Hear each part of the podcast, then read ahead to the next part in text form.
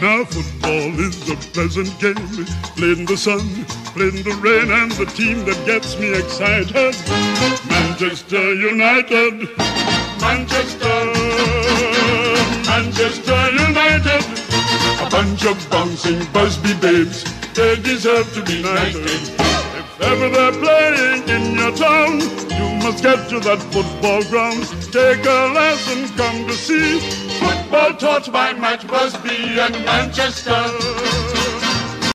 Kembali lagi di podcast Gibahin MU Kali ini di episode ke-109 Menurut gua ini akan menjadi sebuah akhir pekan yang sangat menarik ya. Karena setelah kalahan kemarin lawan Liverpool Banyak banget selama beberapa hari ini Ini gua rekaman di hari Jumat dini hari Itu banyak banget ya teori-teori atau gosip-gosip soal tentunya masa depannya oleh Gunnar Solskjaer, siapa penggantinya oleh Gunnar Solskjaer itu pokoknya semenjak kekalahan dari Liverpool banyak banget. Gue yakin kalian juga ngikutin itu ya. Dan teman-teman gimana kabar di akhir pekan ini? Gue berharap kalian semua tetap bisa fokus buat beraktivitas ya terutama yang benar-benar apa ya hidupnya moodnya gitu mood hidupnya itu bergantung sama Manchester United. Karena kan biasanya suka ada tuh yang kayak gitu juga ya kalau MU main hari Sabtu atau Minggu gitu. Di minggunya kalah kayak justru kayak kemarin tuh pas lawan Liverpool itu hari Senin moodnya jadi tidak baik tidak bagus itu untuk menjalani aktivitas. Ya semoga kalian tetap bisa berpikiran positif ya. Tetap bisa jalanin aktivitas gitu kan. Karena jujur cuaca juga lagi nggak bagus. Ini dalam beberapa hari ini udah dua harian ya dari hari Rabu sama Kamis itu hujan loh. Hujan deras banget. Gue yang tinggal di Jabodetabek ya khususnya. Itu hujan dari Rabu sampai sama hari Kamis ya sama hari Kamis itu hujannya in, intensitas hujannya tuh bener-bener nggak bisa ditebak gitu. Nanti berhenti tiba-tiba hujan lagi gede tiba-tiba berhenti terus hujan lagi ini sih kalau kata orang-orang ini hujan yang bikin banyak penyakit katanya. Katanya sih gitu. Kalau kata orang-orang ya buat teman-teman terutama yang apa ya bekerja di lapangan ya di luar gitu ya semoga tetap bisa menjaga badannya. Jangan lupa di doping vitamin mungkin ya karena cuaca benar-benar lagi nggak bisa ditebak banget. Dan nggak tahu nih di akhir pekan ini apakah bakal sama kayak hari Rabu dan Kamis dan gue nggak tahu nanti pagi di Jumat pagi ini apakah bakal turun hujan lagi. Ya semoga nggak bisa ganggu eh nggak ganggu aktivitas lah ya. Dan semoga hujan ini hujan berkah ya buat kita semua. Terutama buat Man United yang di Inggris sana gitu. Nggak ada sangkut pautnya juga sih buat Man United. Ya cuma akhir pekan ini memang benar-benar bakal jadi laga krusial buat Ole Gunnar Solskjaer terutama masa depannya Ole Gunnar karena kan sejak kemarin kekal dari Liverpool itu banyak banget gosip yang beredar. Salah satunya adalah yang paling kenceng yang gue baca itu Antonio Conte. Yang kabarnya si Conte ini udah apa ya bersedia gabung bersama Manchester United. Tapi yang gue baca di Fabrizio Romano di Marzio Sky Sport Italia itu si Conte ini udah setuju buat gabung MU tetapi dari pihak klub kabarnya belum mengkontak. Meskipun sempat ada tuh di hari apa katanya MU udah resmi ajuin kontak sama Conte gue nggak tahu itu benar atau enggaknya. Cuma dari pihak klub ini kayaknya yang gue dengar juga dari pihak manajemen klub katanya ada yang terbelah dua juga ya katanya. Gue juga nggak bisa memastikan gitu. Ada yang masih dukung oleh ada yang pengen oleh segera dipecat gitu. Dan salah satu orang yang masih mendukung oleh Sir Alex Ferguson. Ferguson ini masih memberikan kepercayaan pada mantan anak asuhnya oleh Gunnar Solskjaer untuk laga ke depan salah satunya lawan Tottenham Hotspur ya. Di Tottenham Hotspur Stadium. Dan tentunya ini menjadi pertanyaan besar bagi fans-fans United yang pengen oleh Gunnar Solskjaer out itu. Ya Sir Alex Ferguson yang memang masih punya sangkut paut sama Manchester United ini tampaknya masih mendukung oleh Gunnar Solskjaer gitu. Ya kalau gue pribadi siapa pun ya pelatih atau manajer United eh, akan gue dukung gitu loh. Cuma ada cumanya gitu ada tapinya. Kalau memang apa ya permainan tim atau arah timnya udah mulai grafiknya menurun mungkin ya dipertanyakan gitu loh. Dengan squad yang bisa dibilang MU ini wah banget musim ini ya agak dipertanyakan gitu kan ya. Meskipun ya nggak sepenuhnya salah manajer nggak sepenuhnya salah pelatih pemain-pemain di lapangan juga apa ya performa pemain di lapangan itu tetap bakal jadi acuan juga gitu loh. Ya kayak kita lihat kemarin Harry Maguire yang dalam tiga laga terakhir tuh penampilannya bener-bener drop banget ya pasca disembuh dari cedera kan ya. Ya itu sih. Ya cuman balik lagi ke masalah gosip pelatih ya kan Antonio Conte gitu.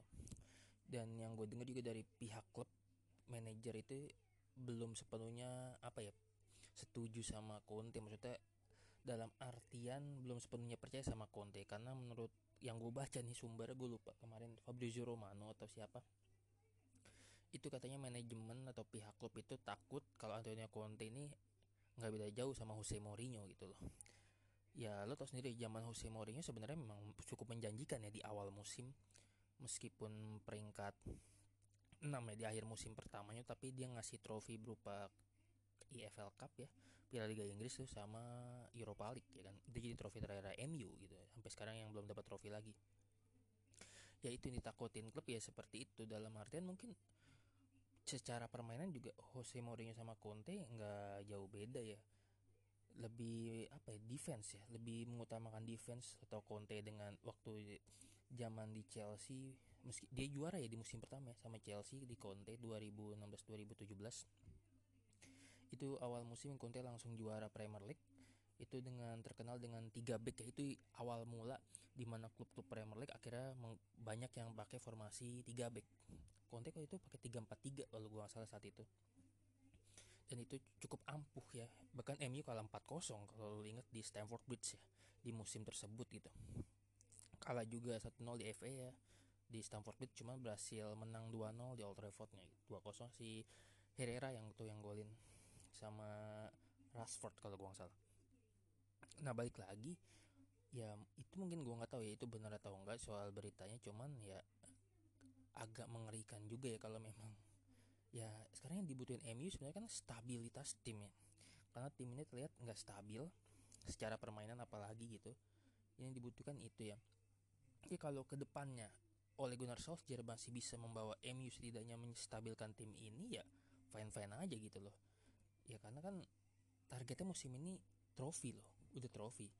Target dari beberapa fans bahkan manajemen gue yakin trofi ya karena ini menjadi musim ketiganya oleh secara full ya meskipun udah tiga musim eh tiga musim lebih ya kalau dihitung dari 18-19 itu jadi kan ini menjadi musim penentuan gitu loh. Bahkan pandit-pandit atau fans-fans MU di Indonesia pun masih percaya sama Ole gitu dan uh, apa namanya memberikan kesempatan pada Ole setidaknya hingga akhir musim. Dan kalau masih musim masih nggak dapat trofi juga ya mohon maaf dia harus out itu harus keluar gitu. Meskipun status dia legend. Dan sebenarnya kasihan juga sama Solskjaer. Ini kan jadi apa ya statusnya dia tuh sebagai legend jadi agak tercoreng gitu dengan hasil negatif Man United. Apalagi kekalahan 0-5 kemarin itu ya bakal jadi apa ya catatan sejarah yang paling gak enak ya dan itu akan menjadi bahan bulian dari fans Liverpool bahan ledekan dari fans Liverpool ya dan dalam beberapa musim ke depan atau 10 sampai 20 musim ke depan itu akan selalu diingat kekalahan 0-5 ini. Ya City pun masih mengungkit-ungkit kemenangan mereka 1-6 di Old Trafford 2011 eh 2000 ya 2011 ya. Mereka pun masih sering itu. Dan mereka punya chance deh kalau nggak salah soal 1-6 itu gue lupa kayak gimana. Ya cuma itu dia tadi ya kan soal Conte gitu. Ya kalau misalnya ke depannya pun harus memang Conte yang jadi pelatih ya gue berharap tim ini bisa stabil dulu ya. Karena kalau Conte ini kan sebenarnya cukup bisa dibilang pelatih yang menjanjikan trofi. Gue nggak tahu ya. Karena ya tim-tim yang dipegang Conte selama ini hitungan satu dua musim langsung bisa juara yang paling ini Juventus ya kalau lo inget Juventus itu pas abis kasus Calciopoli kan mereka ke Serie B tuh Nah dari seri B mereka langsung promosi kan ke Serie A dan Juventus saat itu tuh bukan Juventus yang kita kenal beberapa musim sebelumnya gitu. Mereka tertatih-tatih bahkan selalu finish di papan tengah ya. Dan akhirnya di musim pertamanya Conte kalau nggak salah 2011-2012 itu Conte lang bawa Juventus langsung jadi juara Serie A Liga Italia dengan status uh, unbeaten tak terkalahkan di liga gitu loh. Dan setelah itu Juventus benar-benar mendominasi kan di Liga Italia itu kok bisa dibilang Conte yang ngebangun ya. Dan diteruskan, diteruskan sama Allegri gitu ya kan terus sama Sari Sari itu juara Serie atau enggak sih? Gue lupa deh. Pokoknya itulah diteruskan situ. Dan di timnas Italia Conte pun nggak begitu baik ya prestasi di Euro 2016 ingat gue Ita gue lupa deh Italia itu di Euro 2016 di mana gitu. Sampai bawa kapal gue lupa. Dan setelah dia dari apa namanya cabut dari timnas Italia kan dia langsung latih Chelsea ya. Chelsea di musim pertama langsung tampil luar biasa dengan yang tadi gue bilang 3-4-3 nya dan jadi juara. Gitu loh. Jadi juara Premier League. Lalu di musim berikutnya Conte tetap ngasih trofi FA Cup. Meskipun akhirnya harus dipecat karena di Premier League di peringkat kelima. Itu final di final FA Cup 2018 itu lawan MU ya kan pasti teman-teman ingat gol tunggal Hayden Hazard via penalti? Dan di bersama Inter dia cuma butuh dua musim buat ngebangun Inter nge up Inter ya bisa dibilang gitu. Dari Inter yang apa tidak bisa bersaing dengan Juventus sampai Inter akhirnya bisa dapat Scudetto di musim lalu ya kan. Ya cuman kan Conte ini pelatih yang atau manajer yang selalu pengen skuadnya ini bagus itu dan dia pengen mana apa manajemen klub mendukungnya gitu loh. Kalau dia minta ini ya bisa dibilang harus diturutin gitu dibeliin gitu. Dan kemarin kan teman-teman mungkin tahu sendiri kenapa dia akhirnya memilih berpisah dengan Inter Milan karena Conte merasa Inter ini kayak udah apa ya nggak serius gitu loh jadinya. Karena Inter kan targetnya kan udah tujuh Scudetto otomatis target step langkah berikutnya Liga Champions ya. Dan Conte sukses bawa tim ini ke Liga Champions kan tapi Conte mungkin gak ngeliat Inter ini serius buat Liga Champions karena kan gue kalau salah yang punya Inter Suning ya kalau nggak salah. Itu memang lagi goyang kan ya. Dan mereka harus menjual Lukaku Romelu Lukaku dan beli Zeko dan mungkin Conte ngeliat di situ ya nggak bisa mungkin begitu ya. Kalau Conte kan kayak gitu. Yang gue lihat ya dari ini anak itu dia tadi menarik banget kalau dia ke MU misalkan ya. Ya dengan squad yang ada saat ini bisa berbuat sejauh apa gitu loh. Ya kan kalau misal memang jadi Ole Gunnar Solskjaer dipecat karena hasil hari Sabtu akan sangat menentukan nasib Ole Gunnar Solskjaer ya. Dan pelatih banyak banget sih pelatih pelatih yang katanya manajer-manajer yang bakal apa namanya yang masuk bursa ya. Ada selain Antonio Conte ada Zinedine Zidane.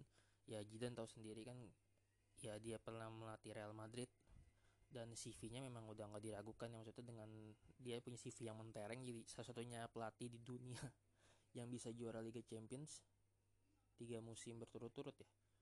It, sebelumnya di era European Cup Madrid juga juara tapi gue nggak tahu pelatihnya kan. Madrid juara lima kali beruntun ya di era European Cup awal-awal Champions Cup ya Liga Champion masih namanya European Cup. Tapi gue nggak tahu pelatihnya siapa. Yang gue tahu legendanya mereka Alfredo Di Stefano ya saat itu. Yang paling terkenal itu terus ada Erik Ten Hag ya pelatihnya Ayak terus nama-nama banyak sih nama-nama yang cukup ini yang gitu loh. Kayak Brendan Rodgers saja tuh masuk loh. Masuk kandidat manajer MU berikutnya gitu. Ya lo terusnya Brendan Rodgers tuh sukses ya bikin Leicester perlahan-lahan bangkit loh stabil dengan apalagi musim lalu dapat trofi FA Cup gitu kan. Ya memang apa ya Rodgers tuh memang sebenarnya gue kalau Rodgers tuh agak gimana ya kalau bisa bisa sampai kejadian gitu ya. Karena dia mantan manajer Liverpool juga. Dan dia juga hampir bikin Liverpool jadi juara Premier League di 2013-2014 ya sebelum si Gerrard itu melakukan keple yang kepleset ya blunder yang kepleset itu. Dan bisa dibilang ya Rodgers bahkan fans MU tuh sempat bikin banner Brendan Rodgers it's a football genius kalau gua nggak salah. Itu pas musim 14-15 deh kalau gua nggak salah ya itu ada tuh banner kalian cari di Google ya banyak banget sih bahkan Ryan Giggs pun masuk gitu loh kandidat manajer MU cuman kalau Giggs kan ya lo tau sendiri ya dia lagi punya masalah di Wales. Sampai-sampai dia pun kehilangan jabatannya sebagai pelatih di Wales di timnas Wales. Karena kasus apa gitu gue pokoknya gitulah. Nah itu dia tadi. Dan hari Sabtu ini United bakal bertandang ke Tottenham Hotspur. Hmm, romantisme musim lalu kalau nggak salah MU menang ya 2-1 ya deh kalau nggak salah menang 2-1 3-1 sorry. Cavani golin gue ingat banget 3-1 di Hotspur Tottenham Hotspur Stadium. Dan itu MU emang lagi rekor way lagi bagus banget kan di Premier League sampai akhirnya terputus kemarin pas kalah 4-2 sama Leicester. Lawan Spurs ini kan sebenarnya Spurs juga nggak bagus-bagus amat musim ini loh. Mereka angin-anginan bahkan di pekan kemarin yang bersamaan sama Man United main Liverpool mereka kalah sama West Ham David Moyes gitu. Terus Hotspur ini kan baru apa ya namanya um, musim pertama mereka sama manajer baru ya Nuno Espirito. Eh bagus lupa nama gue inget si Nuno doang gitu Nuno. Itu bekas pelatihnya Wolves ya dan penampilan mereka musim ini angin-anginan gitu ya. Dan tapi mereka cukup bisa stabil di ada di peringkat oh, Hotspur di peringkat berapa ya 5 atau 6 sih gue belum lihat klasmen ya kan masalahnya Hotspur juga agak-agak ringkih ya di awal musim. Salah si Harry Kane juga kan sempat jadi apa ya uh, yang bikin mungkin tersendat ya maksudnya persiapan Hotspur di awal musim ini gitu. Karena Harry Kane itu sempat hampir hampir pindah ke City bahkan dia minta dijual ke City. Bahkan dia udah nggak ikut latihan tuh di kalau nggak salah ya kan. Dan itu bikin dan dia kalau nggak salah pas Spurs lawan eh Spurs menang 1-0 lawan City tuh di awal-awal musim ya yang menang 1-0 itu manaj eh manajer fansnya Spurs tuh apa uh, neriakin Harry Kane ya Ari watching Harry atau gimana gitu. Pokoknya fans Spurs nih sebagian udah banyak yang gak suka sama Harry Kane gitu. Itu jadi salah satu problemnya Spurs di awal-awal musim ini gitu. Meskipun Harry Kane sekarang udah bisa tampil udah bisa bikin gol ya. Ya itu, itu gue sama Spurs sih nggak terlalu ngikutin ya. Maksudnya nggak terlalu ngikutin pertandingan pertandingannya yang gue tahu mereka kemarin kalah sama West Ham terus uh, apa mereka main di Europea Conference League ya kalau nggak salah bukan main di Europa League kan. Gue nggak terlalu ngikutin Spurs gitu ya kan. Cuman ini akan menjadi laga yang sangat menentukan buat dari kubu MU nya gitu oleh Gunnar Solskjaer masa depannya gitu. Nah yang gue sorot kan mungkin sama teman-teman juga atau semua fans MU sorot apakah oleh Gunnar Solskjaer akan menurunkan 11 pemain yang sama saat kalah lawan Liverpool dan menang lawan Atalanta ya kita kan udah bisa ngebaca. Lo pasti pasti starting eleven M itu nempel banget di otak. Nempel banget loh. De Gea Wan Bisaka Harry Maguire Victor Lindelof Luke Shaw Scott McTominay Fred Rashford Fernandes Greenwood Ronaldo. Nah, ini itu itu apa ya? Terlepas dari beberapa juga sempat diganti gitu di rotasi apalagi pas lawan Everton ya kan?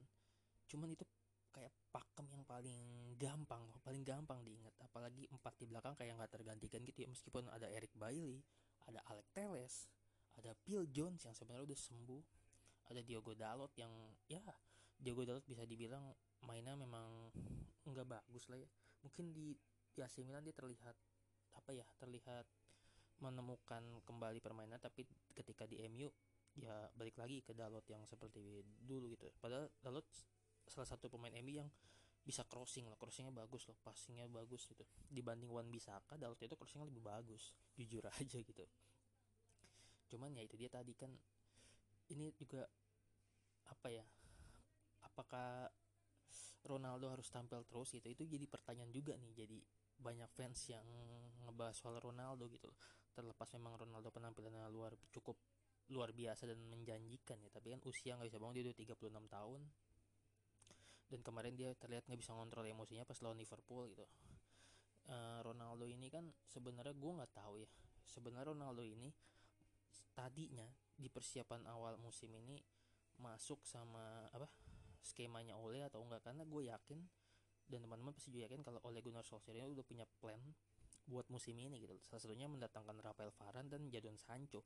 Itu bisa dibilang adalah puzzle ya kepingan puzzle yang dibutuhkan Manchester United gitu.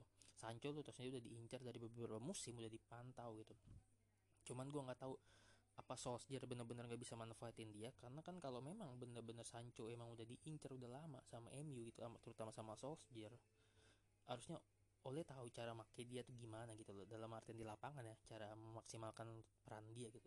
Sejauh ini Sancho ya tidak banyak berkontribusi bahkan bisa dibilang ya memang harus nunggu semusim ya. Nggak bisa kita bilang Sancho itu jelek atau gimana itu cuman ya nunggu semusim gitu. Sejauh ini dia nggak bisa menghasilkan assist nggak bisa bikin gol juga gitu loh.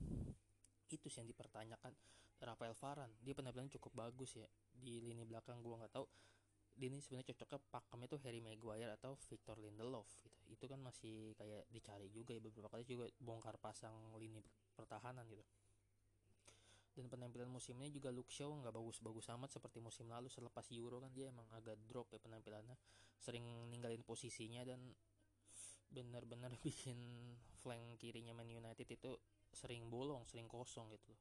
Jadi dieksploitasi lawan dan terlepas baik lagi ke Ronaldo ya. Ini kan menjadi apa ya pertanyaan yang gue bilang gitu loh. Apa benar-benar Ronaldo kan didatengin MU di last minute ya? Maksudnya bursa transfer hampir mau tutup dia didatangkan gitu. Karena kan si Ole Gunnar Solskjaer sendiri yang minta Ronaldo buat didatengin karena menurut dia kayaknya nggak pantas atau nggak pantas lah ya gitu kalau seorang legenda MU main di City gitu. Ya kan? Era si seperti yang gua adalah di episode sebelum sebelumnya kalian bisa dengerin dan teman-teman sih juga udah tahu gitu loh. Solskjaer minta ke Edward Wood nelfon buat datengin Ronaldo. Artinya kan sebenarnya Ronaldo ini bukan pemain yang di inginkan Manchester United. Bukan nggak masuk dalam rencananya oleh di awal ya. Tapi karena dia hampir pindah ke City mau nggak mau ya harus bergerak gitu loh. Karena status dia kan sebagai legenda Manchester United nantinya akan dipertanyakan kalau dia sampai bergabung dengan Manchester City gitu. Artinya kan tadinya oleh Gunnar Solskjaer sudah punya rencana dengan skuad yang sudah ada nih gitu. Dengan di depan ada Cavani, Marcus Rashford, Jadon Sancho, Mason Greenwood, Anthony Martial gitu.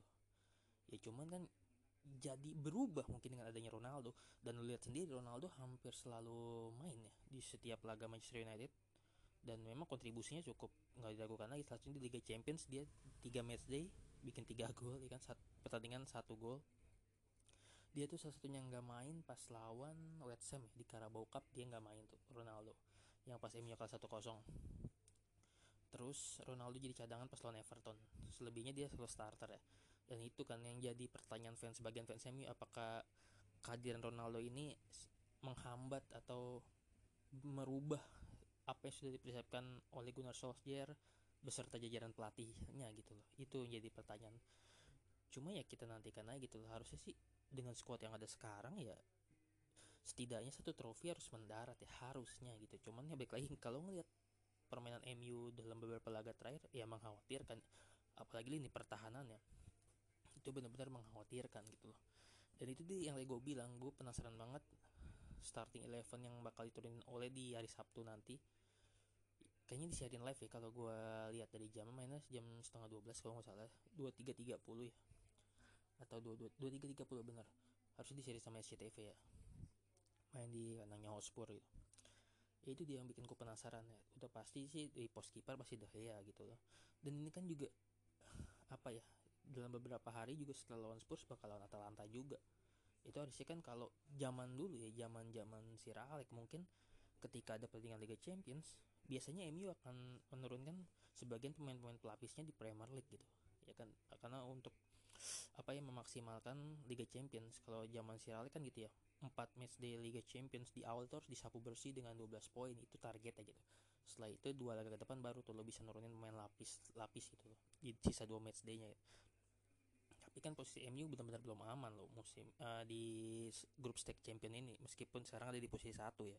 Karena MU bakal tandang ke Atalanta terus lawan Young Boys terus terakhir lawan Villarreal di kandang eh, di El Madrigal lawan Villarreal itu. Baik lagi ke laga buat hari Sabtu nanti ya itu aja sih gue penasaran banget terutama secara permainan ya. Dan bisa nggak sih memanfaatkan ini? Gue yakin yang lebih pede justru Tottenham Hotspur loh. Meskipun mereka kalah ya lawan West Ham di kemarin tuh tapi gue yakin mereka bakal sangat pede menjamu Manchester United gitu loh. Karena yang gak ada yang perlu ditakutkan dari MU sekarang gitu loh. Lo lihat bagaimana Atalanta bisa mengguncang gawang MU dua kali ya di babak pertama. Terus Liverpool bisa unggul 4 gol. Artinya kan memang lini belakang MU ini bisa dieksploitasi kalau lo mainnya seperti Liverpool dan Atalanta gitu. Itu gue yakin Tottenham Hotspur bakal lebih pede apalagi mereka main di depan publiknya sendiri. Itu dia. Dan ini dia bakal menjadi PR banget sih buat Ole Gunnar Solskjaer buat Mike Phelan, Melke Carrick, Mike Kenna gitu loh. Tim jajaran pelatih juga bakal gue yakin bakal cukup pusing ya mempersiapkan tim ini gitu loh. Kan ya gue bilang tadi nggak bisa semuanya salah oleh Gunnar juga karena performa pemain juga harus dipertanyakan di lapangan gitu dan feeling gue ya empat pemain belakang gue nggak tahu ya Rafael Varane Rafael Varane tuh udah sembuh atau belum dari cedera gue belum lihat. Cuman karena feeling gue empat pertama empat pertama di belakang itu kayaknya tetap Wan Bisaka Lindelof Maguire sama Luke Shaw gitu loh. Dan yang disorot pasti Maguire Maguire bakal curot abis dengan cara dia yang ya gimana sih? Dia tuh main bener-bener ya lo lihat sendiri lah gue juga nggak bisa ngomong bingung ya mau ngomong dia dengan apalagi dengan status dia yang harganya mahal bakal jadi sorotan juga bakal jadi makanan sama media-medianya Inggris gitu. Itu tadi gitu loh. Gue yakin sih empat pertama nggak bakal berubah ya meskipun ada Eric Bailey ada Alec Teles ya kayaknya enggak ya karena ini kan bisa dibilang laga krusial penentuan banget gitu loh kalau sampai kalah lagi atau kehilangan poin itu pressure ke Ole Gunnar Solskjaer buat dipecat akan makin kencang banget kencang banget gue yakin. Dan teman-teman udah lihat sendiri kan di gue ini kan rekaman dari Jumat jadi gue bisa tahu kalau Barcelona tuh di La Liga ya kalau salah kalah sama Rayo Vallecano ya. 1-0 atau eh 1-0 sih kalau dan saat lepas itu Ronald Koeman akhirnya dipecat sama Barcelona gitu loh. Ternyata Koeman yang menduli oleh Gunnar Solskjaer gitu loh. Dan ini juga dipertanyakan sama fans itu kenapa oleh Gunnar Solskjaer belum dipecat? Ya karena MU ini klub yang cukup ruwet ya karena legenda-legenda MU ini masih bisa memberi suara atau bisa berkont bukan berkontribusi ya bisa mempengaruhi internal klub gitu loh, di jajaran atas ya.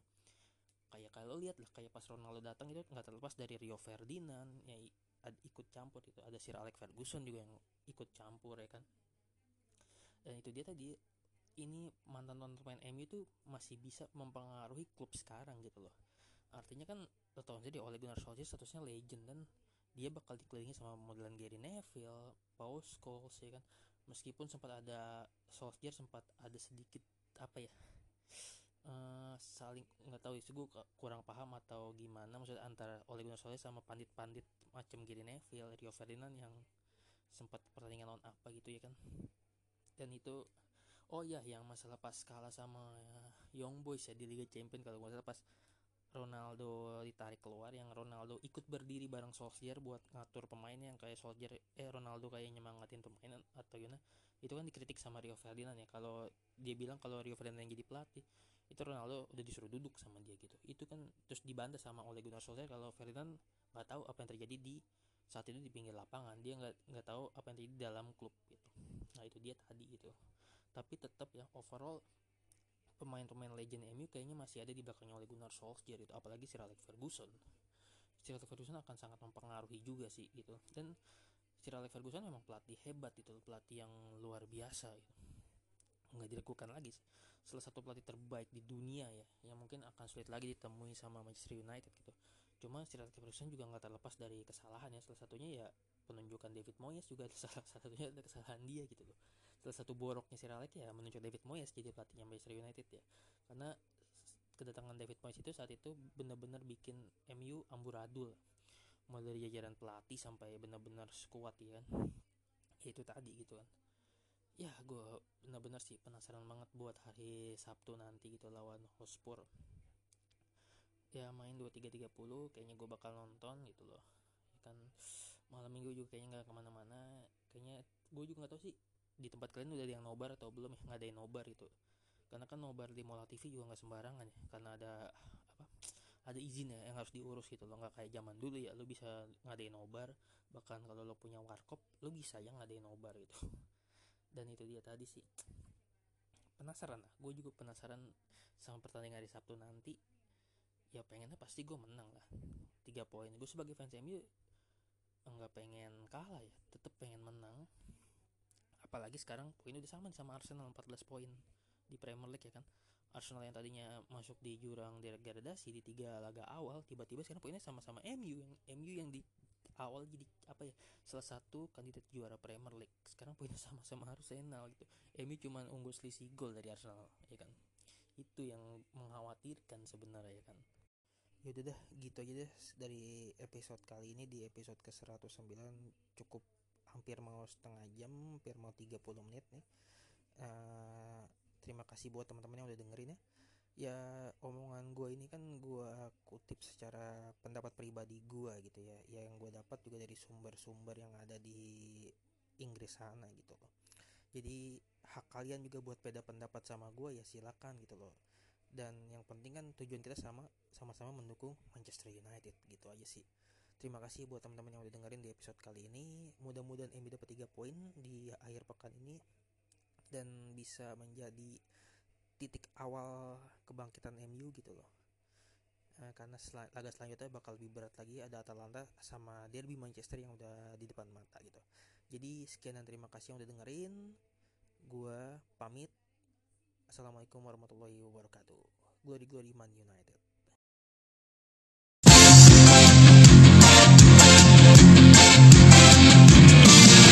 Setiap saat bayang selalu hadir menerpa.